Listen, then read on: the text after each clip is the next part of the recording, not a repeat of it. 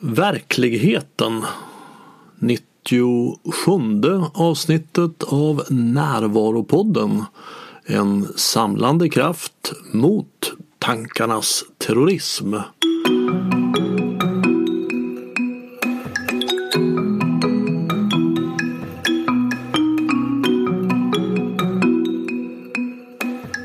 Det här är Bengt Renander. Jag pratar ju ofta om att vakna upp ur tankarnas drömvärld till verkligheten. Till det som finns på riktigt, här och nu. Det här avsnittet ställer frågan Vad är det? Vad är det som finns på riktigt här och nu? Vad är det som finns i verkligheten? Här har jag ett samtal om det med Carolina Enqvist Källgren som är docent i idéhistoria. Vi pratar om verkligheten som något vi kan uppfatta olika. Om verkligheten som den kan beskrivas av vetenskapen. Om hur kvantfysiken kom att ifrågasätta vår bild av verkligheten. Om relationen mellan den del av verkligheten som skapas i mig och den del som finns där utanför mig. Om hur frågor om verkligheten leder till moraliska och politiska frågor. Om närvaro och frånvaro. Om vad meditation kan vara bra för. Om att kommunikation är en förutsättning för objektivitet om kvantfysiken kan säga något om mänskligt beteende och om tankar hörs som en röst i huvudet. Här är Carolina Enqvist Källgren. Man kanske kan börja med att säga att den, liksom den här frågan om verkligheten kan man ju problematisera på flera olika sätt. Och då hamnar man i lite olika svar. Mm. Så man kanske måste vara mer specifik i sin fråga. Ja. Mer precis i sin fråga. För om man till exempel talar om verklighet i bemärkelsen det som vi upplever. Alltså till vardags. Då skulle man ju kunna säga att vi problematiserar idén om vad verkligheten är genom att inse att vi kan ha olika perspektiv och vi kan ha olika erfarenheter och det påverkar hur vi upplever verkligheten. Det är ju liksom ett sätt att problematisera den här frågan. Alltså man kan, en kan tycka att en byxa är snygg och en annan tycker att samma byxa är ful. Ja, men inte bara det utan jag tänker att man kan ha mycket mer liksom, allvarliga exempel som ja, men, mm.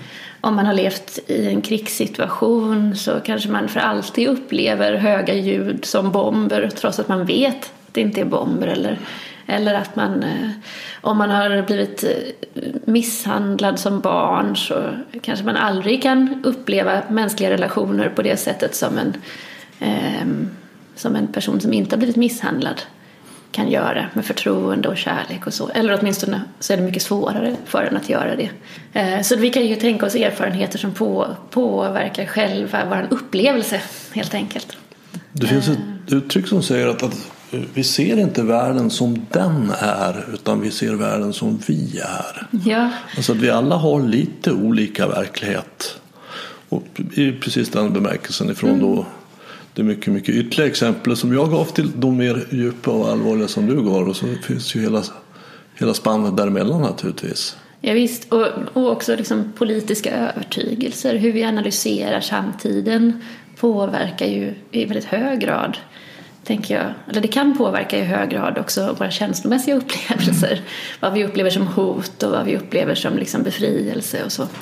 Eller framtidsmöjlighet och begränsningar. Mm. Eh, men det är ju liksom ett svar på frågan om verklighet. Och om man tänker på naturvetenskap så är ju det liksom inte ett tillfredsställande svar. För att vi kan inte, vi behöver ju ha vi behöver ha en kunskapsform, tror jag, där vi ändå strävar efter att slå fast vad verkligheten är. Eh, så det ställer ju andra krav. Eh, och då måste man ta sig an den frågan på något annat sätt. Då finns det ju delvis likartade problem. Hur påverkar hur vi gör experimenten det som vi studerar? Hur kan man vara så frikopplad från den här konstruktionen? Det finns ju ett vetenskapligt ideal om att man skulle kunna eh, göra om experimenten i en helt annan miljö och så komma till samma resultat och så. Där man ändå strävar efter att liksom, veta någonting säkert om verkligheten. Mm. Eh, och det, där tänker jag att den här frågan om vad vi upplever kan inte helt ifrågasätta den strävan. Liksom. Vi kan inte göra oss av med den helt bara för att vi till vardags upplever olika saker. Men sen finns det ju ytterligare nivåer då. För när det handlar om till exempel kvantfysik som är det som jag tittar på. Då är det ju ganska mycket så att flera av de här grundläggande frågorna som till exempel vad verkligheten är. Den är inte besvarad det finns, inte, det finns en massa grundläggande frågor som handlar om hur vi ska förstå det som vi eh, inte upplever men mäter i experiment som vi inte kan besvara. Så om vi inom vetenskaper som biologi och geometri och andra sådana saker liksom kan formulera en typ av naturlagar som verkar gälla överallt så är det väldigt svårt. Inom, eller kvantfysiken är liksom inte där. Det finns inte de grundläggande förklaringarna ännu. Däremot så kan vi matematiskt beräkna en massa saker inom kvantfysiken som liksom får effekt, som fungerar. Men vi vet inte varför. Så där finns det ju liksom en annan nivå om den här, som handlar om det här med verklighet. Ja, men vi är faktiskt inte, det här är en vetenskap där vi inte är där ännu. Eh, där det här idealet att liksom kunna säga något om vad verkligheten är måste sättas lite inom parentes. Och så har det varit sedan den sen kvantfysiken uppkom som vetenskap i början av 1900-talet. Så vi har helt olika liksom, svar. Och sen så har vi faktiskt en tredje, får jag säga det också? jo, men och det är ju liksom den typen av frågor om verkligheten som man kan ställa inom konstarter. Som är olika liksom, uttryck för upplevelser, omformuleringar, um, där själva liksom, eh, omformulerandet är en del av att säga något om verkligheten som på något sätt aldrig riktigt är närvarande fullständigt i de här uttrycken. Eh, så där har vi liksom ytterligare en, en variant av frågan eller liksom som leder till en annan typ av undersökning av verkligheten. Som till exempel en abstrakt målning kan fånga något i uttrycket av en höstskog. Ja, men precis. Eller om man, ja, men om man om man tänker på den här eh, Picassos Guernica-målning till exempel så är ju den oerhört uttrycksfull. Men själva poängen är ju inte att den i detalj avbildar det som hände, för det går ju dels inte, men, eh, utan det är ju liksom sökandet efter ett uttryck som ska säga något som är mer sant än vad en faktisk avbild skulle ha varit. Och där betraktaren förväntas vara en del av att liksom ta emot och, och, eh, återskapa det här uttrycket i sig själv. Så att fånga den fasa som fanns i staden Guernica när den blev mm. bombad. Så där tänker jag liksom att det är olika sätt att förhålla sig till den här frågan som leder till delvis olika svar också då, vad som är verkligt. Jag förstår. Eller jag ska nog snarare kolla så att jag förstår. Det finns en nivå som är, är den, den verklighet som vi har ja, vi, vi, människor upplever, alltså en sorts subjektiv verklighet och, och den kan se väldigt olika ut. Och, och, där har vi haft subjektiva verklighetsuppfattningar ja, så länge människan har funnits, om det nu är 100 000, 200 000 år i storleksordningen där. Och, och det finns ju direkt, det är en sorts intuitiv verklighetsuppfattning. Och sen, eh, sen så sökte vi oss till en mer objektiv verklighet. Då ska man säga att det skedde någonstans på 600-talet, upplysningen där. Mm, ja. Vetet, naturvetenskapen utvecklades. Ja, det kan man kanske säga. Sen har ju liksom vår idé om objektivitet förändrats ganska mycket sen, sen dess. men, men ändå någonting som vi ser att det här kan vi vara överens om. Mm, mm. Oavsett hur man har vuxit mm. upp eller varit med om. Och eh, sen så någonstans då i början på 1900-talet så gick vi ännu djupare i den här objektiva verkligheten och såg att där finns det ett lager till. Det som hände på, i början av 1900-talet det är ju att när kvantfysiken, dels har vi Einsteins relativitetsteori och den här idén om att tid och rum egentligen är samma sak, eller två aspekter av samma sak. Och sen när kvantfysiken dyker upp, då gör ju den det för att då har man gjort en massa experiment och i de här experimenten så har man kunnat se att det som man trodde var partiklar ibland beter sig som vågor. Och man kan inte förstå varför. Man förstår inte hur man ska förstå eller hur man ska begreppsliggöra det som finns i de här, som syns i de här experimenten. Och den här liksom okunskapen och så småningom själva idén om att vi, eh, som Heisenberg ju också introducerar sen, att vi faktiskt inte kan eh, mäta position och rörelse alls samtidigt. Mm.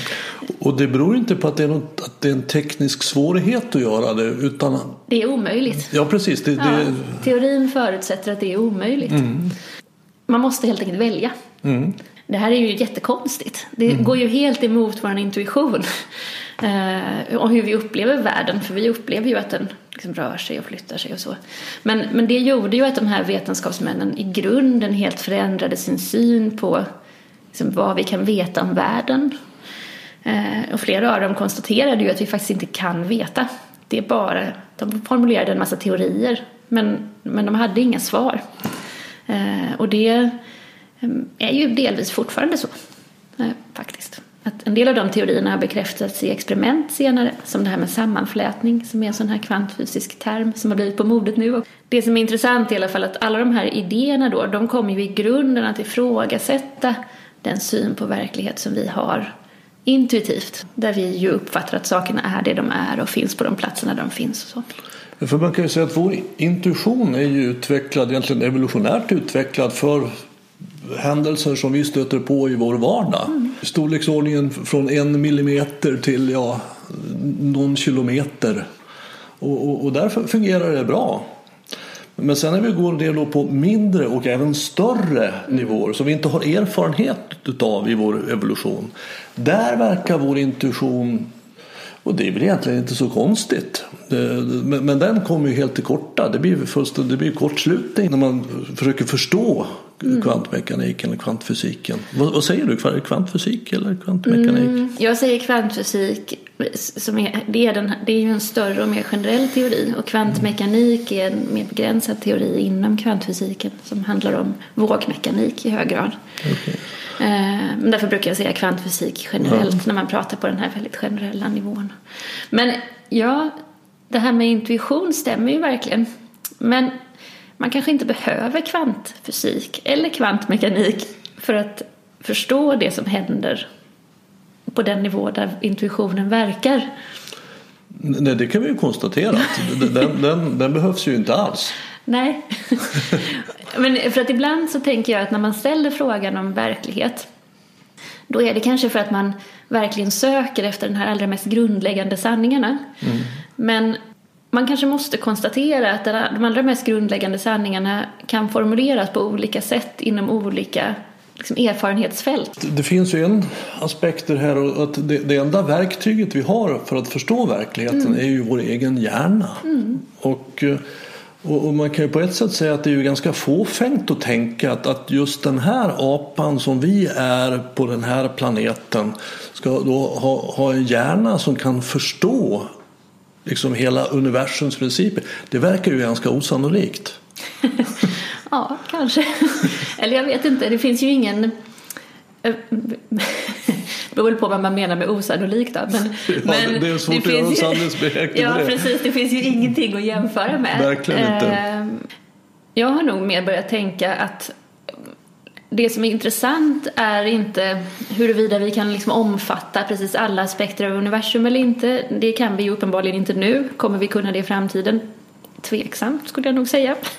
Eh, men att det som är intressant är hur vi förhåller oss till den verklighet som vi faktiskt kan uppfatta. Mm. Att det liksom avgörande är ju den här relationen. Hur, och, och speciellt i relation till kvantfysiken. För där kunde man ju ganska snabbt konstatera att en av problemen då är att när mätinstrumenten ska mäta det som sker när en partikel rör sig så påverkar själva mätinstrumentet det som mäts. Ehm, och då fanns det ju teorier om att, som handlade om att det var människans medvetande, alltså själva observatören som påverkade. Och det är nog ganska avvisat idag. Utan man tänker sig istället att det är liksom de fysiska mätinstrumenten som påverkar de här. Det är en fysikalisk process liksom. Men det gör ju att man får en mycket svårare fråga på halsen. Nämligen vad är det för skillnad på medvetandet och de här fysiska instrumenten? Eh, vad är det som medvetandet har som gör att det inte på samma sätt då, liksom påverkar de här? Eh, och det finns det ju inga svar på. Eh, verkligen inga svar på. och, och, det är ju också liksom, om man läser, har läst lite liksom, neurobiologi också och där eh, finns det ju de som försöker förklara medvetandet också kvantfysiskt. Men det verkar inte finnas så starka belägg för att kvantfysiska processer faktiskt påverkar det som vi förstår som medvetandet. Um, det finns liksom försök att visa att det är så, men, men inga, ingen liksom konsensus om det. Um, och det innebär ju att man skulle kunna tänka sig att medvetandet är någonting eh, liksom, eller man måste i alla fall ställa frågan, vad är medvetandet som gör att det är någonting annat än det här fysiska instrumentet som liksom står i direkt relation till det den observerar i, i kvantfysiken. Um, utan att vara liksom andlig eller det måste inte leda till andliga svar. Mm. Utan, men det är en, en rimlig fråga. Det fungerar olika på olika nivåer. Det finns ju en kvantfysisk mm. nivå mm. som då är för oss väldigt svårgripbar. Mm. Men sen så finns det ju också en atomär nivå som ju är mer klassisk fysik. Så det, kan ju, alltså det kan ju ligga ett lager under som vi inte förstår som finns där men vi kan i alla fall förstå nivån ovanför. Är det ja, riktigt? Visst. Ja. ja visst. Eh, ja, neurobiologi ägnar ju sig åt att studera den här lite högre upp nivån så att säga. Så egentligen ingenting, det, det var ju inte så att någon, någon, gammal kunskap blev ogiltig när vi började, när kvantfysiken kom. I alla fall inte mycket av det utan fortfarande så gäller ju Newtons eh, fysik. Den gäller för vissa för vissa nivåer av det vi studerar. Ja, just det, men, men inte det. för andra. Men på de nivåer som den, den fungerar, så fungerar så, då, så, för, så, fortsätter den fungera. Ja, visst, jo, men så är det. Så att eh, det är bara att vi får mer kunskap om de här nivåerna under och, och även ovanför. Och då brukar jag tänka så här att det som en, möjligen är det så att kvantfysiken liksom på ett korrekt sätt beskriver verkligheten. Men anledningen till att det inte får någon betydelse när vi pratar om den här intuitiva vardagsnivån det är ju för att vi kan inte, det är omöjligt att beräkna interrelationerna för varje, alla de här tusen miljarder partiklar, jag vet inte hur många det nu kan vara, som ingår i, i hela det system som vi utgör. Och då blir den förklaringen meningslös mm. på den nivån. Sen finns det ju den här nivån som kanske både du och jag är allra mest intresserade av och det är ju vad innebär det att vara människa? vad, vad, hur ska vi förstå att vara människa i, i den här världen, i den här verkligheten? Jag, jag hade en upplevelse när jag var tonåring som öppnade till mig, trivial upplevelse men det hade regnat, jag var uppe i Dalarna, jag tittade över Byrviken och där fanns det en regnbåge väldigt vacker regnbåge. Och jag tänkte att jag skulle ringa till de som bodde där och säga att gå ut på gården och titta för ni har en regnbåge alldeles ovanför huset. Men min pappa då, som var fysiskt intresserad av fysik han sa att det, det, de, det, det finns inte där. Utan den uppstår här i mitt huvud trots att jag ser ju den där borta.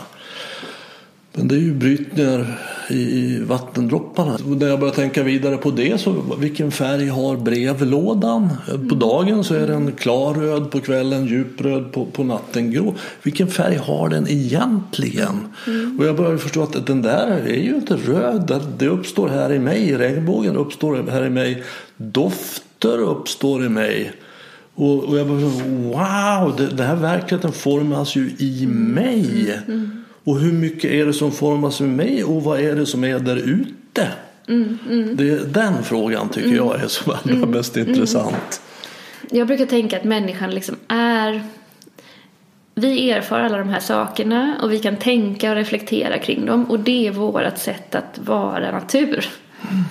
Vi är natur därför att vi är de intelligenta och intellektuella varelser som vi är mm. och kan ställa de här frågorna och det är vårat det är inte något som är särskilt från de naturliga processerna utan det är vårt sätt att vara natur. Mm. Så brukar jag tänka. Och det gör också en del av de filosofer som jag har tittat på. Det kanske är därför jag tänker det då, mina erfarenheter. Men i relation till eh, just den här tidiga utvecklingen i kvantfysiken. Men sen kan man ju fråga sig vad det betyder. Det är ju lätt att säga. Mm. Men sen i praktiken betyder ju det inte så mycket för i praktiken fortsätter vi ju vara som vi är så att säga. Eh, och jag, jag, jag har nog landat i en delvis annan um, liksom en, en delvis annan position tror jag. Där frågan inte riktigt formuleras så som du gjorde nu. Så jag skulle gärna vilja omformulera den lite ja, om jag får. Varsågod, varsågod. jo, men för jag tänker att om man vill liksom ta kvantfysik och det som den har gjort med vetenskapen och våran fråga om verkligheten på allvar. Då ska man istället säga så här. Ja, det som är intressant det är eh, det faktum att vi inte vet och hur ska vi som etiska varelser förhålla oss till varandra när vi inte riktigt vet? Eh, så för mig är etiken svaret på frågan om verkligheten faktiskt. Fast eh, liksom, eh, i ett, som i ett andra steg. När vi lever i en verklighet som vi inte fullständigt kan veta då behöver vi etiska principer som talar om för oss hur det är rätt att handla så att vi har goda relationer. Mm. Eh, snarare än att bara hävda att ja, men allting, vi är natur genom att vara intellekt. Eller vi, vi relaterar till varandra som i någon sorts grundläggande partikelnivå redan. Ungefär som att vi skulle vara färdiga där och inte behövde ta i de andra frågorna. Det tycker jag är, är djupt problematiskt. Så därför så brukar jag tänka att det som är intressant är hur vi väljer att förhålla oss givet till de här liksom, nödvändiga relationerna. Hur bör vi förhålla oss då etiskt till ja, varandra? Det är ju en jättesvår fråga som man inte kan ge något enkelt svar på såklart. Ja, vi har väl bara sådana frågor Ja, vi har bara sådana svåra frågor. Men när människan lever så, så omskapar hon och omformar sin omgivning. Och då behöver vi ha etiska principer som beskriver och talar om hur man på ett gott sätt ska göra det. Um, och man kan också formulera till exempel med det här begreppet principer som handlar om eh, vad man inte behöver delta i. Alltså saker som man faktiskt inte behöver bidra till. Eh, och också principer som handlar om eh, asymmetriskt deltagande. För att om vi till exempel ändå vill gå med på att det finns skillnader mellan människa och djur eller mellan människa och natur Eh, utan att för den skull hävda att naturen och djuren är någonting som bara finns där för oss, så att säga. Eh, istället för att säga att natur, djur och människa är samma, vilket ganska många som sysslar med de här frågorna gör, eh, då kan man istället säga att ja, men vi deltar asymmetriskt i en process där vi arbetandes liksom skapar den värld som omger oss. Och vad är de goda principerna för det? Det, det, det landar ju så småningom i politik. Ja, det gör det. Ja. Naturligtvis. Ehm, det gör det. Ja, men om vi hade kunnat slå fast vad den absoluta sanningen om verkligheten var då hade vi ju i linje med denna absoluta sanning sen kunnat dra slutsatser om hur vi skulle leva på det bästa sättet. Men givet att liksom svårigheten med att på ett enkelt sätt tala om vad den här absoluta verkligheten är så innebär ju det att vi måste lägga mycket större fokus på att eh, liksom, hitta det sätt på vilket vi ska leva någon annanstans. Just det, jag förstår. Och då är det i moralen och politiken. Det är mm. liksom där som vi på ett sätt så vill jag härma Kant och säga att vi är bara fria och liksom sanningen kan vi, det vi kan veta är begränsat och det vi kan, där vi är fria det är liksom på moralens område. Mm om man ska vända tillbaka till den här frågan om vad som är verkligt. I alla fall för mig så var det en, en upptäckt att tänka att den frågan innefattar alla de här svaren. Den frågan är inte bara naturvetenskap. Utan givet att vi har de naturvetenskapliga svaren så måste vi också ta ställning till de här andra frågorna. Mm. Hur interagerar vi? Eh, inte bara individuellt utan också liksom som en politik eller som en etik. Vad är det för vad är det goda sättet att förhålla sig till omvärlden på? inom olika liksom, områden. Vad är det för... Eh, och det är liksom en konsekvens av saker som vi hittar inom naturvetenskapen. Mm. Eh, inom det, I den mycket mer strikta bemärkelsen där vi undersöker liksom, vad verkligheten är. Um, och att även om det kan tyckas vara väldigt långt då mellan liksom, frågan om vad, hur vi ska samtala och eh, frågan om liksom, vad som är verkligt i naturvetenskaplig bemärkelse. Så svaren vi kommer fram till där, de påverkar ändå hur vi måste, bör förhålla oss eh, i den här andra sfären. Utan att för den skulle säga att vi är liksom biologiska varelser eller något annat. Utan så som biologiska varelser är vi fria att förhålla oss, faktiskt. Mm, mm. Uh, jag förstår, jag har aldrig tänkt på det så. Nej, eller hur? Verkligheten, den, som jag varit inne på, uppstår i medvetandet här inne i alla fall väldigt hög grad. Det finns mm. ju någonting där ute absolut och, och vad det är är ju ytterst oklart. Ja, men... och, och, om det ens går att veta vad det är. Och i så fall vem ska berätta vad det är? Vad är det för betraktare som ska berätta vad det här egentligen är? Ja, det, det finns ju ingen som betraktare. Det finns som ju kan... ingen som betraktare. Alltså om vi bara tar djuren här på jorden har ju väldigt olika uppfattning om hur det ser ut här på jorden. Ja, om de nu har någon uppfattning. ja, Men erfarenhet. Erfarenhet, tack för att du rättade mig. Det är det jag menar. Jag menar inte att de sitter och funderar på det. Men, men man kan ju söka sig fram genom ekolods system och det finns ju massor av olika sätt, sinnen att förnimma mm. världen. Mm. Och människor har ju en form av sinnesuppsättning mm. och en form av medvetande, en mm. sorts kognitionsmaskin mm. här uppe som vi gör vårt bästa för att förstå det här. I min förståelse så uppstod det i människan för någonstans 100-200 000 år sedan.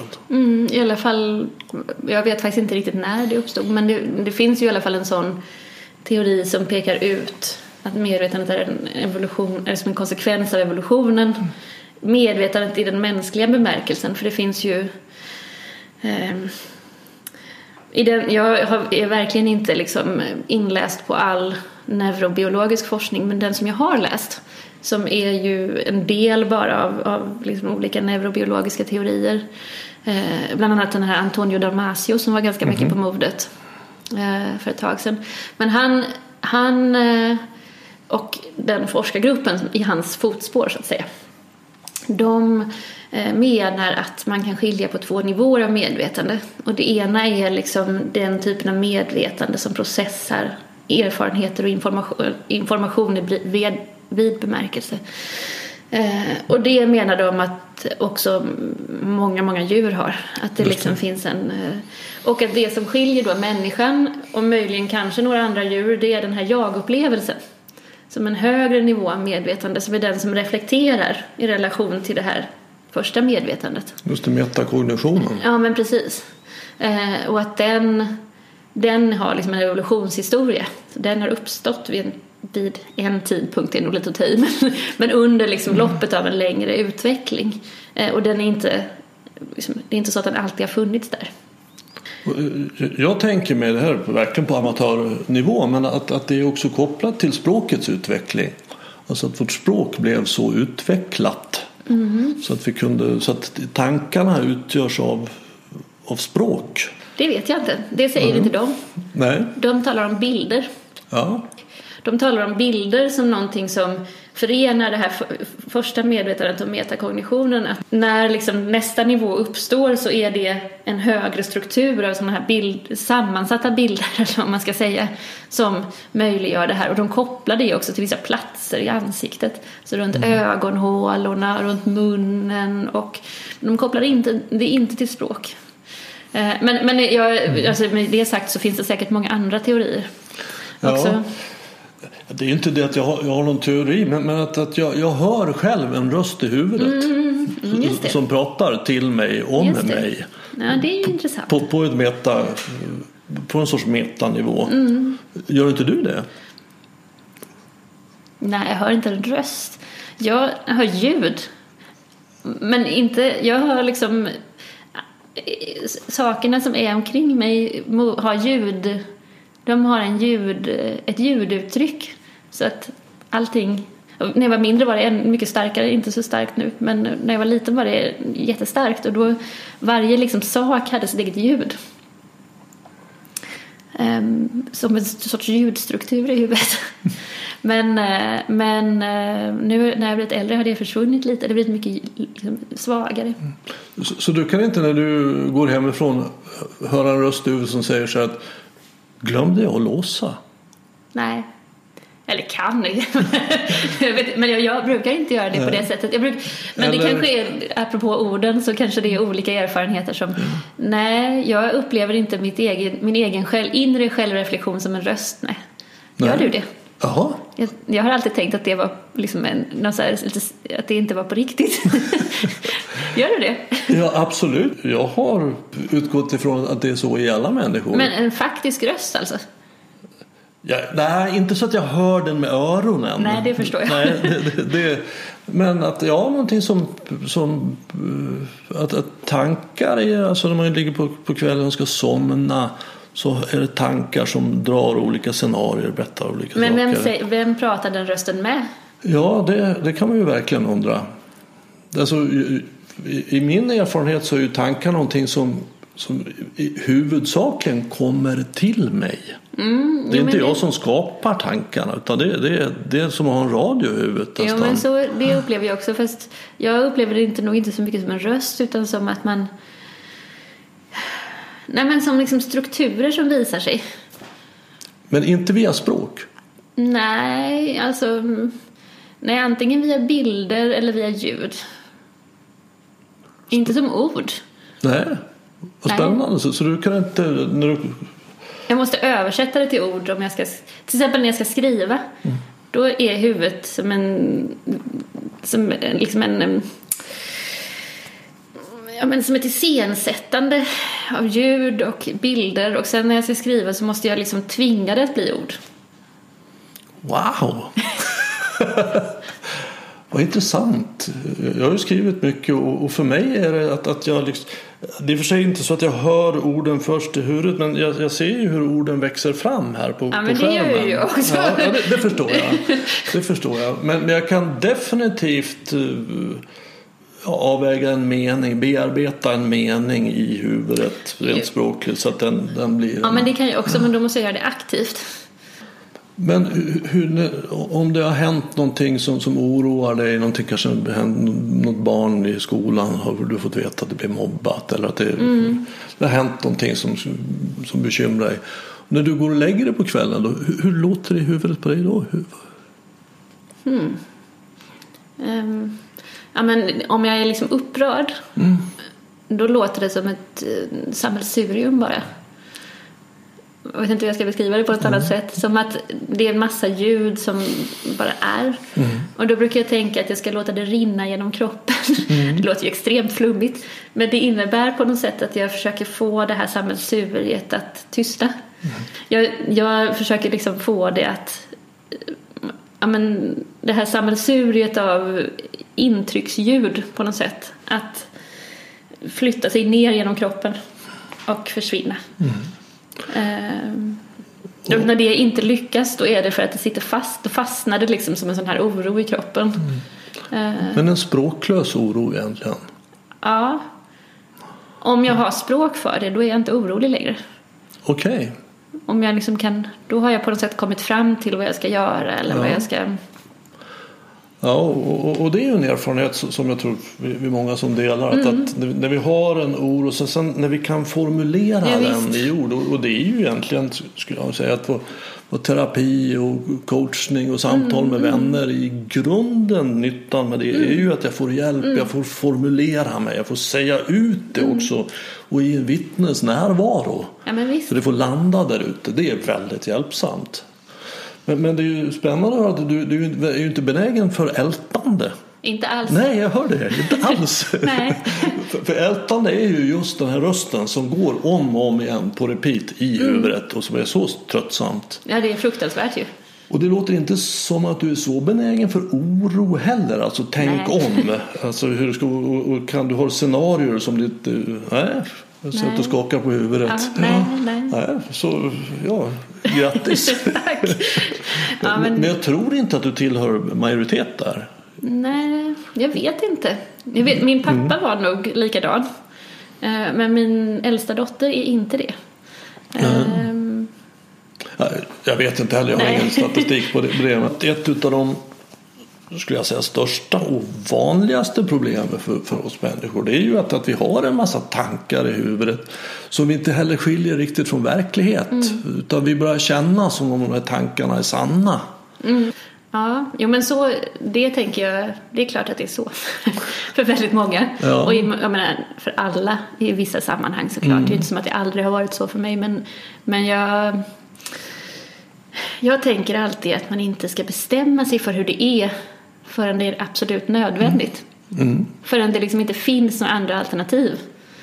Eh, och då, det är ju väldigt sällan som det som man föreställer sig händer.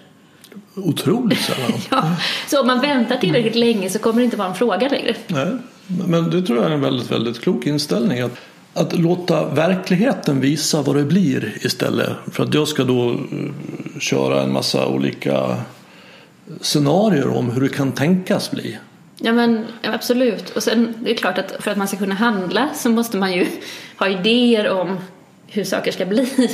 Men jag tänker att om man är lite flexibel i sitt handlande då kan man liksom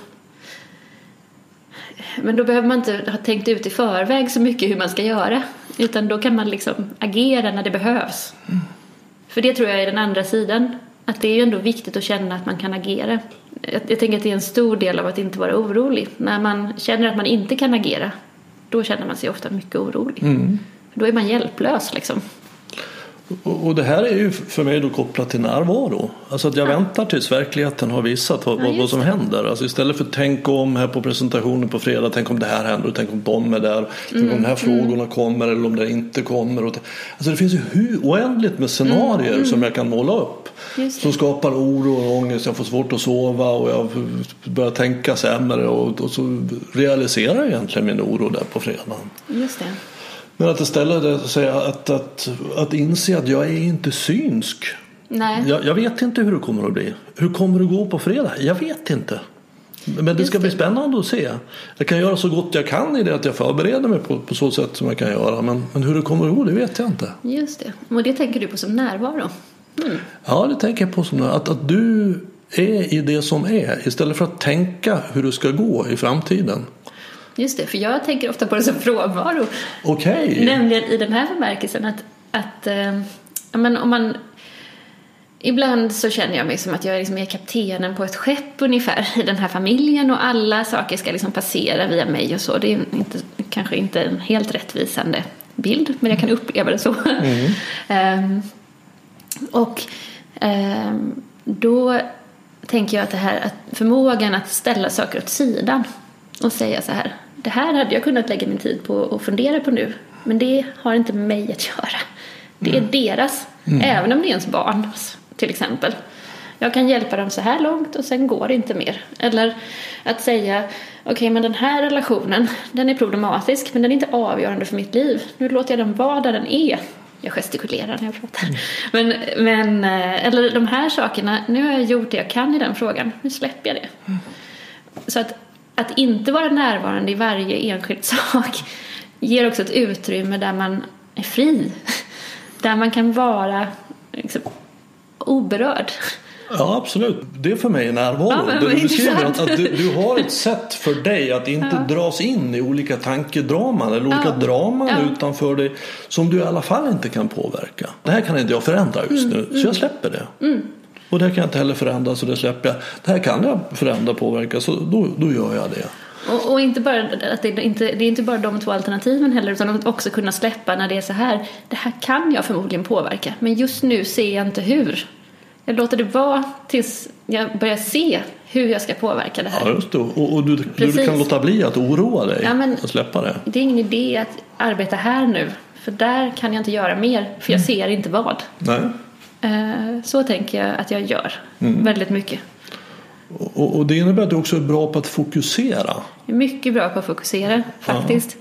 Eh, Jag kan stänga ute världen helt. Ja, fast inte utom det där som du fokuserar på. Utom det jag fokuserar det, på, det, ja. det, det är du helt närvarande i. Det är ju en otrolig känsla. Att få vara på en, med huvudet på en plats. Eh, ofta för min del i texter då. Ja. Och bli ett med det man gör. Ja, att liksom få att få vara det man gör ett tag. Apropå samtalande och görande. Ja, Att få vara, bara göra liksom. just det. Det är en så otrolig frihet. Verkligen, och, och, det är ju ett tillstånd som av vissa kallas för flow. Alltså det tillstånd när man är ett med det man Mm. Ja, gör men och tiden man står still. Ja. Man kan nästan vakna upp ur det. Och, jag föreställer mig att vi kan ha den upplevelsen i ganska många aspekter av vårt liv. Såklart. Jag har det till exempel när jag spelar keyboard. Jag håller på att lära mig och jag, tycker det är fantastiskt roligt. Och det är samma sak. Jag kan ha det när jag skriver också.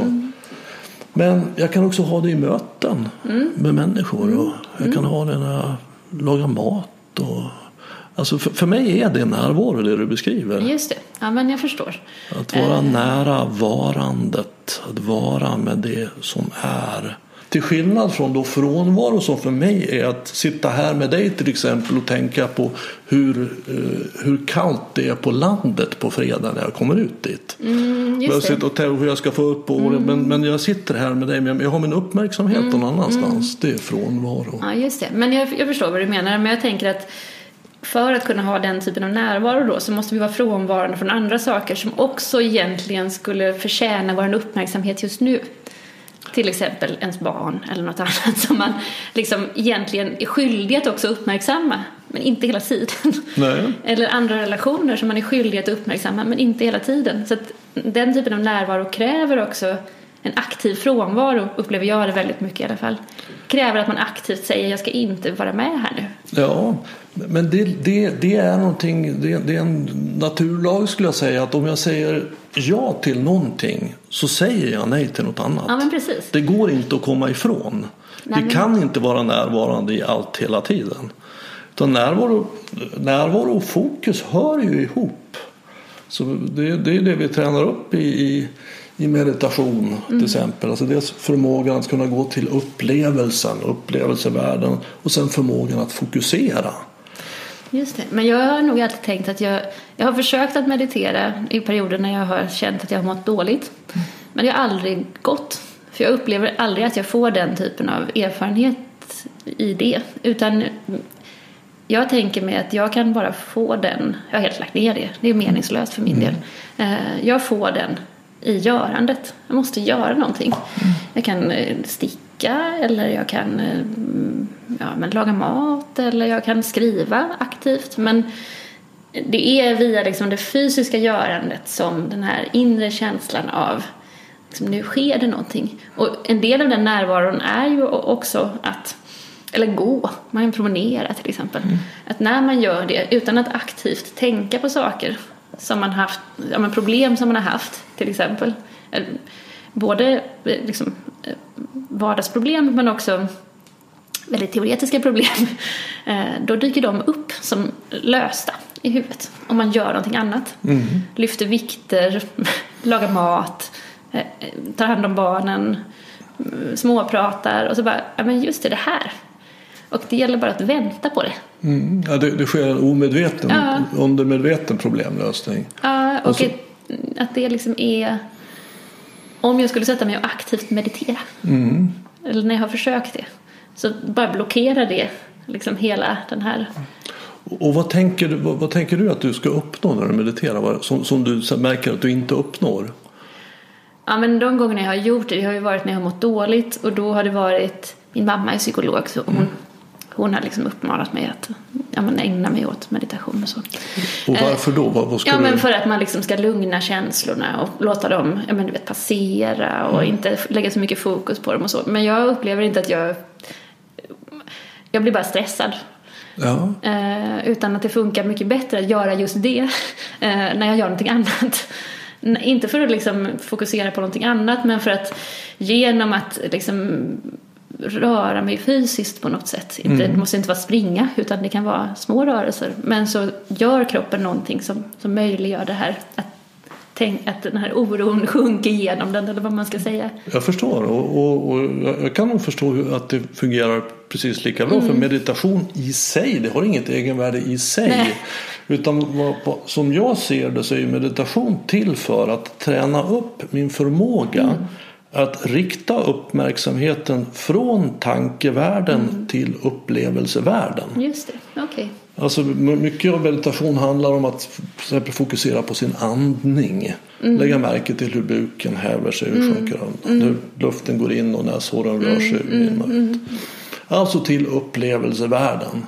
Men sen har ju inte du den där rösten för dig så är det inte så vanligt för många människor har ju rösten men gud vad ska jag äta till middag ikväll och hur ska det bli med det här och jag kommer aldrig att träffa någon. Så kommer den här rösten.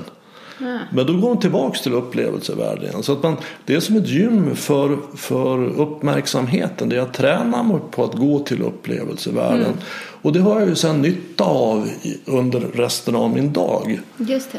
Så det är ungefär som att gå till ett gym för att träna sin armmuskel genom att lyfta en hantel. Det är en väldigt intensiv och, och, träning på det. Men jag gör det för att kunna vara stark och flytta upp tallrikar i skåpet sen. Mm. Det har inget egenvärde att lyfta de där hantlarna. Nej, nej. och, och eh, vad du gör är ju att du, om du nu diskar eller promenerar, är ju att du är helt i upplevelsen av att diska, föreställer jag mig. Att du är med det du gör.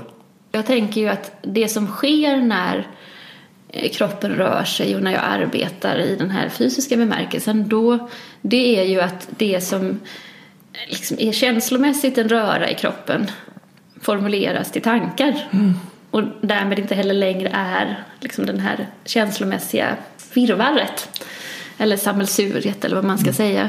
Och att eh, genom att liksom, ja, nästan kanalisera det känslomässiga i rörelser på något sätt. För som inte är koreografier och inte är, utan som bara är helt vad, det som man ändå måste göra. Mm. Um, så um, får jag klarhet. Mm. Alltså tankemässig klarhet. Mm. Uh, I en massa olika saker. Och det behöver inte vara direkt relaterat till det som jag ens känner oro för. Utan det liksom dyker upp. Och den här känslan av, av klarhet är ju no, liksom betryggande också. Mm. Det ger ju också en typ av lugn. Nu ser jag klart när jag inte såg klart tidigare. Mm. Um. Jag får en bild av att det du gör ändå är något relativt enkelt, repetitivt. Du promenerar, Absolut. du diskar, du, du gör... Ja, ja. Alltså... Ja, det, det, kan inte kräva, det, kan inte, det får inte kräva en sån uppmärksamhet på att göra rätt fysiskt eh, så att man liksom helt tappar den här tänkandets rörelse Nej. eller vad man ska säga. Det är inte det att jag vill liksom göra om allting Nej. till meditation. Men det verkar som att sinnet mår bra av att fokusera på någonting mm. enkelt. Ja. Alltså för att, att fokusera mm. på andning är också någonting mm. enkelt. Eller diska eller promenera. Mm. Det finns ju gående meditation. Mm. Och, och meditation syftar ju till att jag ska kunna vara här med mm. det som är. Att vara vaken här med det som är och inte behöva ha några oroskänslor som drar bort mig. Eller som det är för många människor som buddhisterna beskriver att vi har ett monkey mind. Tanken hoppar som en apa mm. i ett träd fram och tillbaks. Som ju du har blivit hyfsat förskonad ifrån. Ja, som jag förstår. ja det tycker jag nog ändå. Ja, och grattis till det. Ja. ja, men det är nog en läggningssak helt enkelt. Ja. Eller en läggningsfråga. Ja, det kan, det kan väl vara genetiskt. Alltså, du pratar om ja, ja. Peppa var likadant sätt. Och, och, alltså, hjärnan är ju en sån komplicerad struktur. alltså, hundra miljarder neuroner som sen då kopplade mm. ihop med varandra. På, mm. alltså det, mm. det, finns ju ingen struktur som är så komplex i hela universum så vitt jag förstår som just hjärnan. Och det är ju ett fullständigt underverk att det fungerar överhuvudtaget. Och att vi människor ändå är så pass lika. Mm. Alla har ju olika hjärnor, olika kopplingar och fungerar på olika sätt. Men ändå så verkar det vara mycket som är väldigt gemensamt. Ja, det är det som är, det tänker jag är verkligen det, det man behöver påminna sig om. Eh, vi har saker som är gemensamt, i grunden ganska mycket gemensamt trots att vi upplever så olika och att vi har förmågan att kommunicera som överbygger de här olikheterna och så. Det är ju en jätteviktigt Verkligen. Ehm, Ja, men om vi ska liksom återvända till den, i början av samtalet där vi pratade om objektivitet så kan man ju säga att kommunikation är ju en förutsättning för objektivitet. Man kan ju liksom inte själv komma fram till den objektiva sanningen, inte ens inom vetenskapen. Där är det ju ett krav att andra också ska kunna göra samma sak. Så kommunikation är ju en nyckel i att förstå objektivitet. Mm. Eh, det går liksom inte att, vi kan inte tänka oss det som ett fenomen utan kommunikation. Det är ju för att vi liksom ändå trots allt kan prata om samma saker.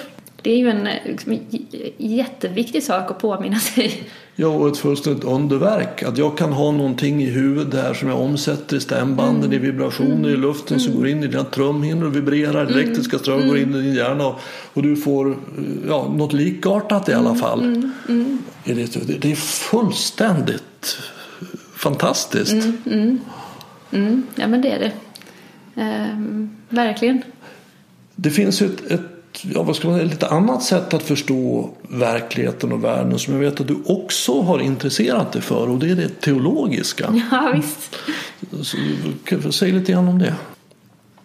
Teologin är ju faktiskt ett, ett redskap för att prata om det som vi inte liksom, kan empiriskt belägga finns. Men det är ju en av de grundläggande problemen inom teologin. Hur vet vi att Gud finns? har diskuterats under tusentals år. Liksom. Eh, så det finns ju väldigt många modeller för det och en del av de modellerna är ju i högsta grad liksom, filosofiska eller, eller, logiska begreppskonstruktioner. Liksom. Och då kan man se att de här personerna vid det här kvantfysiska laboratoriet, de hade inget språk för att förstå vad det var som syntes i de här eh, experimenten och de kämpade med att ja, liksom översätta de här eh, matematiska beräkningarna till utsagor om verkligheten. Och då var ju det utsagor om en verklighet som var frånvarande, verkligheten, som inte gick att fånga liksom. Som inte var på en plats och som inte kunde, lät sig liksom eh, beskrivas i sin helhet. Och då eh, låg det ju ganska nära att vända sig till teologin för där hade man ett väl etablerat språkbruk för att tala om det här som på något sätt är närvarande men ändå frånvarande som vi eh, se, kanske ser tecken på men inte och så vidare. Eh, eller vi som de som är troende och teologer ser tecken på och jag är nämligen inte själv troende så att det, men, men där man i den teologiska traditionen ändå skriver fram det som att här finns det erfarenheter och tecken och så vidare och eh, som kan visa att Gud finns. Um, så det som liksom intresserade, eller har intresserat mig för det, eller gör att jag har intresserat mig för det, det är den här frågan om hur vi ska tänka på det. Hur ska vi förhålla oss till det som vi inte vet? Och där har ju teologin mycket erfarenhet. Mm. Um, så det, det är därför, ja. helt enkelt. Hur ska man förstå det? Ja, för i kvantfysiken så kommer man ju fram till mycket paradoxer. Alltså det är väldigt mycket paradoxalt. Det är både en partikel ja. och en våg. Ja. Och, och, och, det är någonting som man då inom teologin har eftersom människan är paradoxal, tillvaron är paradoxal, så har man funderat mycket kring mm. det.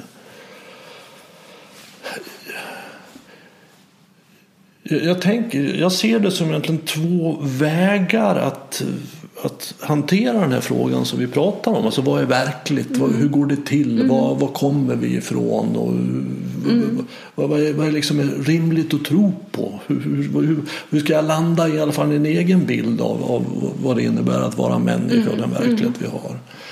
Och, och, den ena är ju då den, den teologiska eller möjligen religiösa vägen. Alltså att, att det är någon som har, det, det, finns en förklaring och den är ofta nedskriven i en bok. Mm, mm. Det, här är, mm. det, det, är så här, här, här är mm. svaren mm. och de kan jag ta till mig och, mm. och jag behöver tro på dem. Så det är det ena sättet. Det. Och det andra sättet är ju då att ta reda på genom att observera verkligheten och formulera teorier kring hur det här kan hänga ihop och sen undersöka de teorierna. Ja, fast det är det som är grejen med kvantfysiken. Mm. Att den fungerar, det måste vi tro på. Men vi kan inte förklara varför.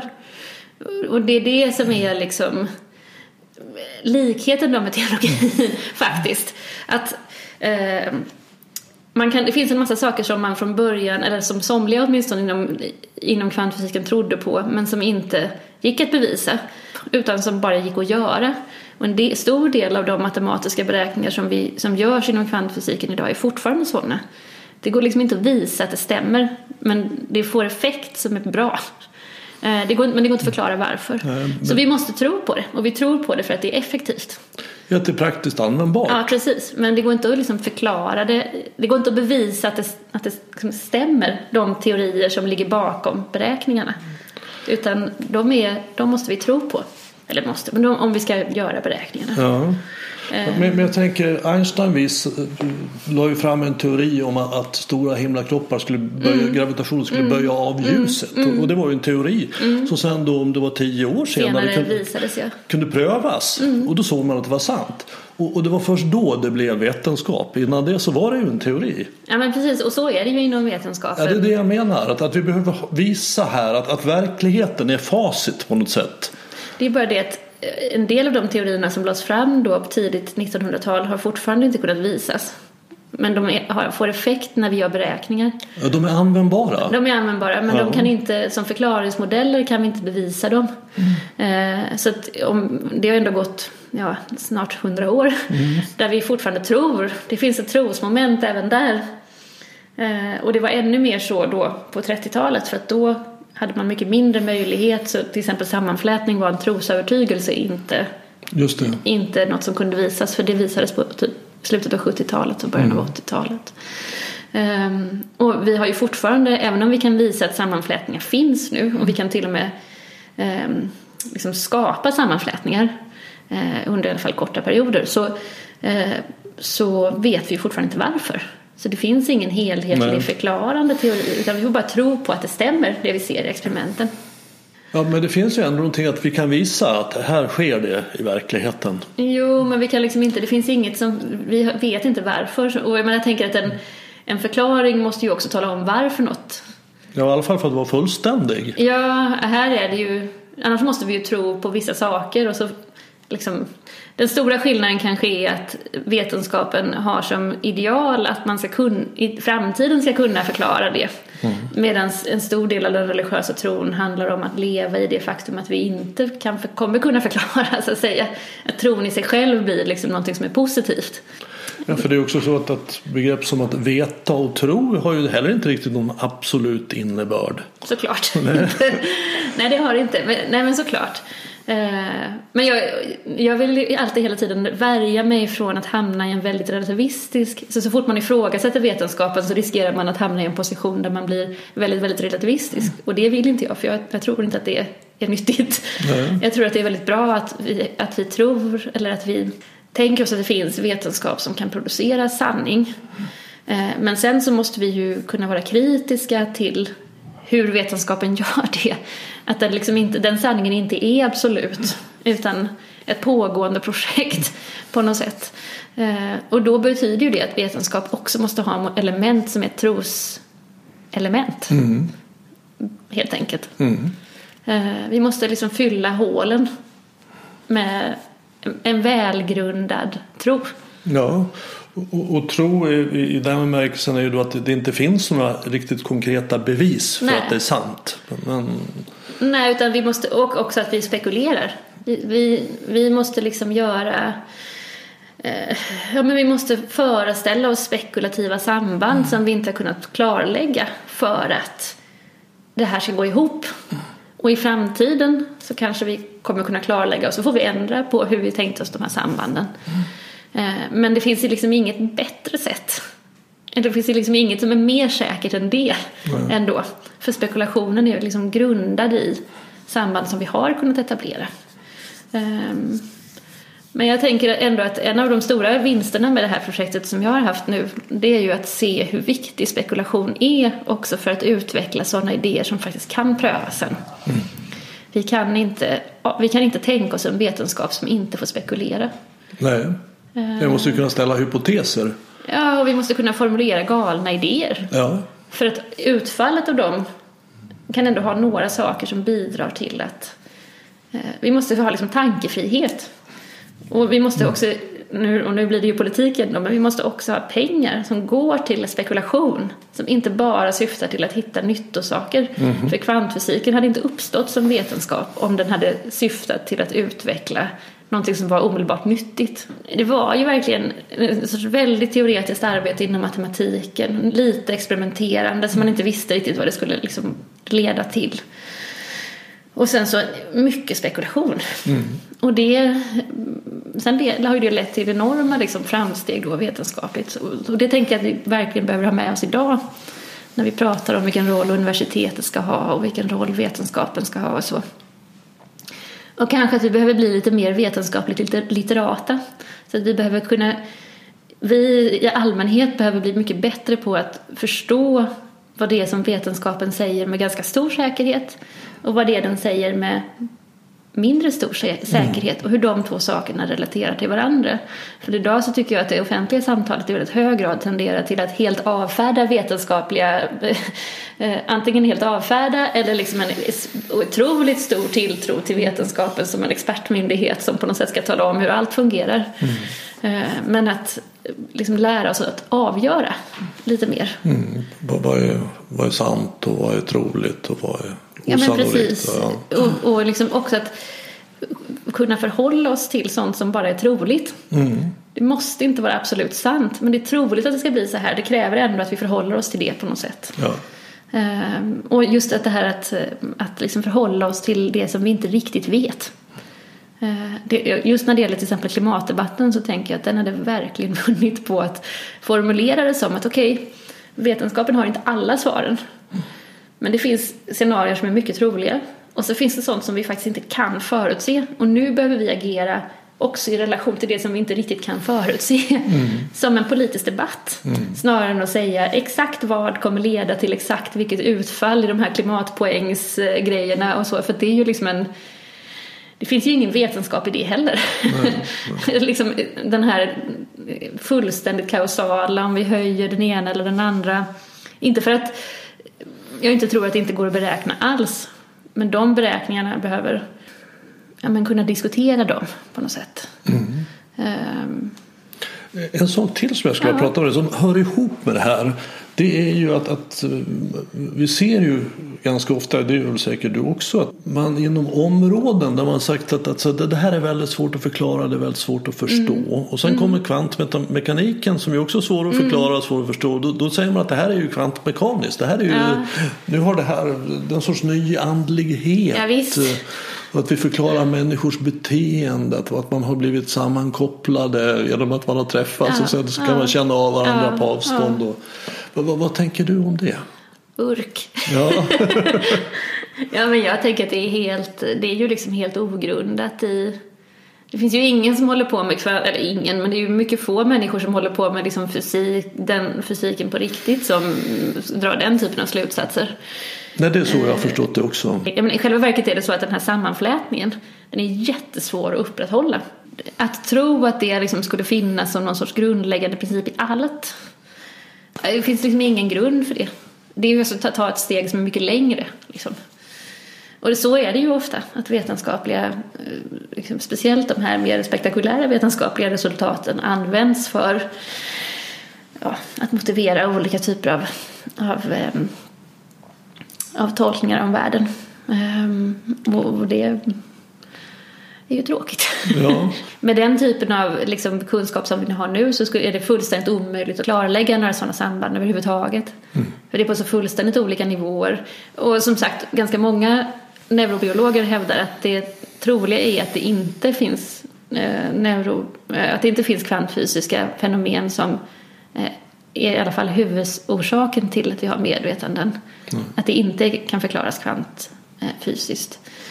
Eh, eh, möjligen att det skulle kunna finnas aspekter då som, men inte liksom att det är det huvudsakliga sätt, förklaringsmodellen för medvetandet.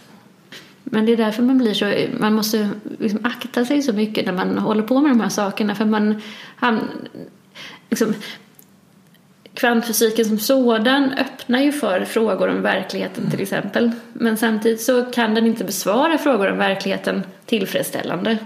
Och om vi försöker liksom göra om den till det här ja men det här är verklighetens grund och den, mm. det är den här relationerna och det är det här, då drar vi växlar som är alltför långt gående i relation till det som vetenskapen faktiskt säger. Uh, och det är så lätt att hamna där, speciellt om man inte, även jag, för jag är ju inte fysiker. Uh, det är väldigt lätt att vilja dra de slutsatserna. Eh, för att man, det är ju liksom där, på den nivån som man verkligen förstår något, eller vad man ska säga. Det är där man har språket för att formulera sina frågor och så.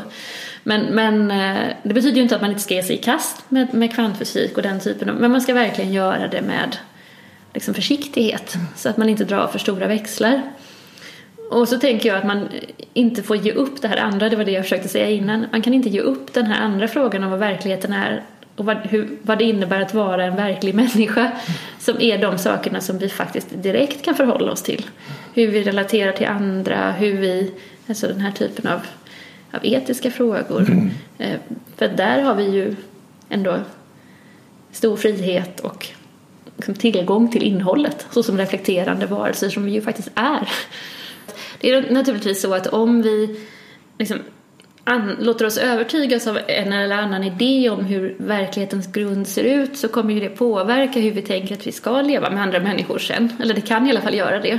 Så om man tror väldigt starkt på en gud som har nerskrivit ett antal budord och så vidare då kommer ju det förstås leda till att man tänker sig att man ska följa de där budorden så som de är nedskrivna. Så där finns det ju liksom en en koppling mellan hur vi ser på världen och hur vi tänker oss att vi ska leva. Men problemet med det är ju liksom att när vi möter andra människor som inte följer de här budorden då, eller vad det kan vara, då uppstår ju problem. Och om vi vill liksom ta på allvar att andra människor också är människor, de är värda sin mänsklighet, och det tycker jag absolut att vi ska. Och också kanske att naturen är verklig och att den är värdig också sin naturlighet på det sättet som den är. Då måste vi eh, mycket mer konkret fokusera på frågor som handlar om hur vi här och nu i relation till just det som vi har bredvid oss liksom, hur, det, hur vi ska förhålla oss till det. Det är där vi måste börja. Tack för att du kom hit. Tack själv för att jag fick komma.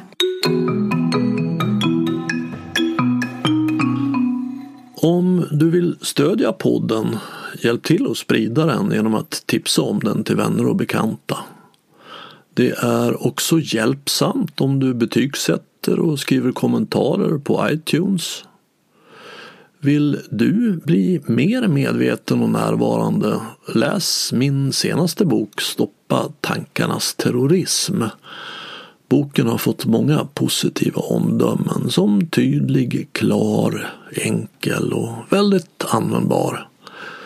Enklast köper du boken via hemsidan renander.nu och jag signerar den gärna om du vill. Desto fler vi är som är vakna i verkligheten, ju mer kan vi förändra den på riktigt. På återhörande. Och du var uppmärksam.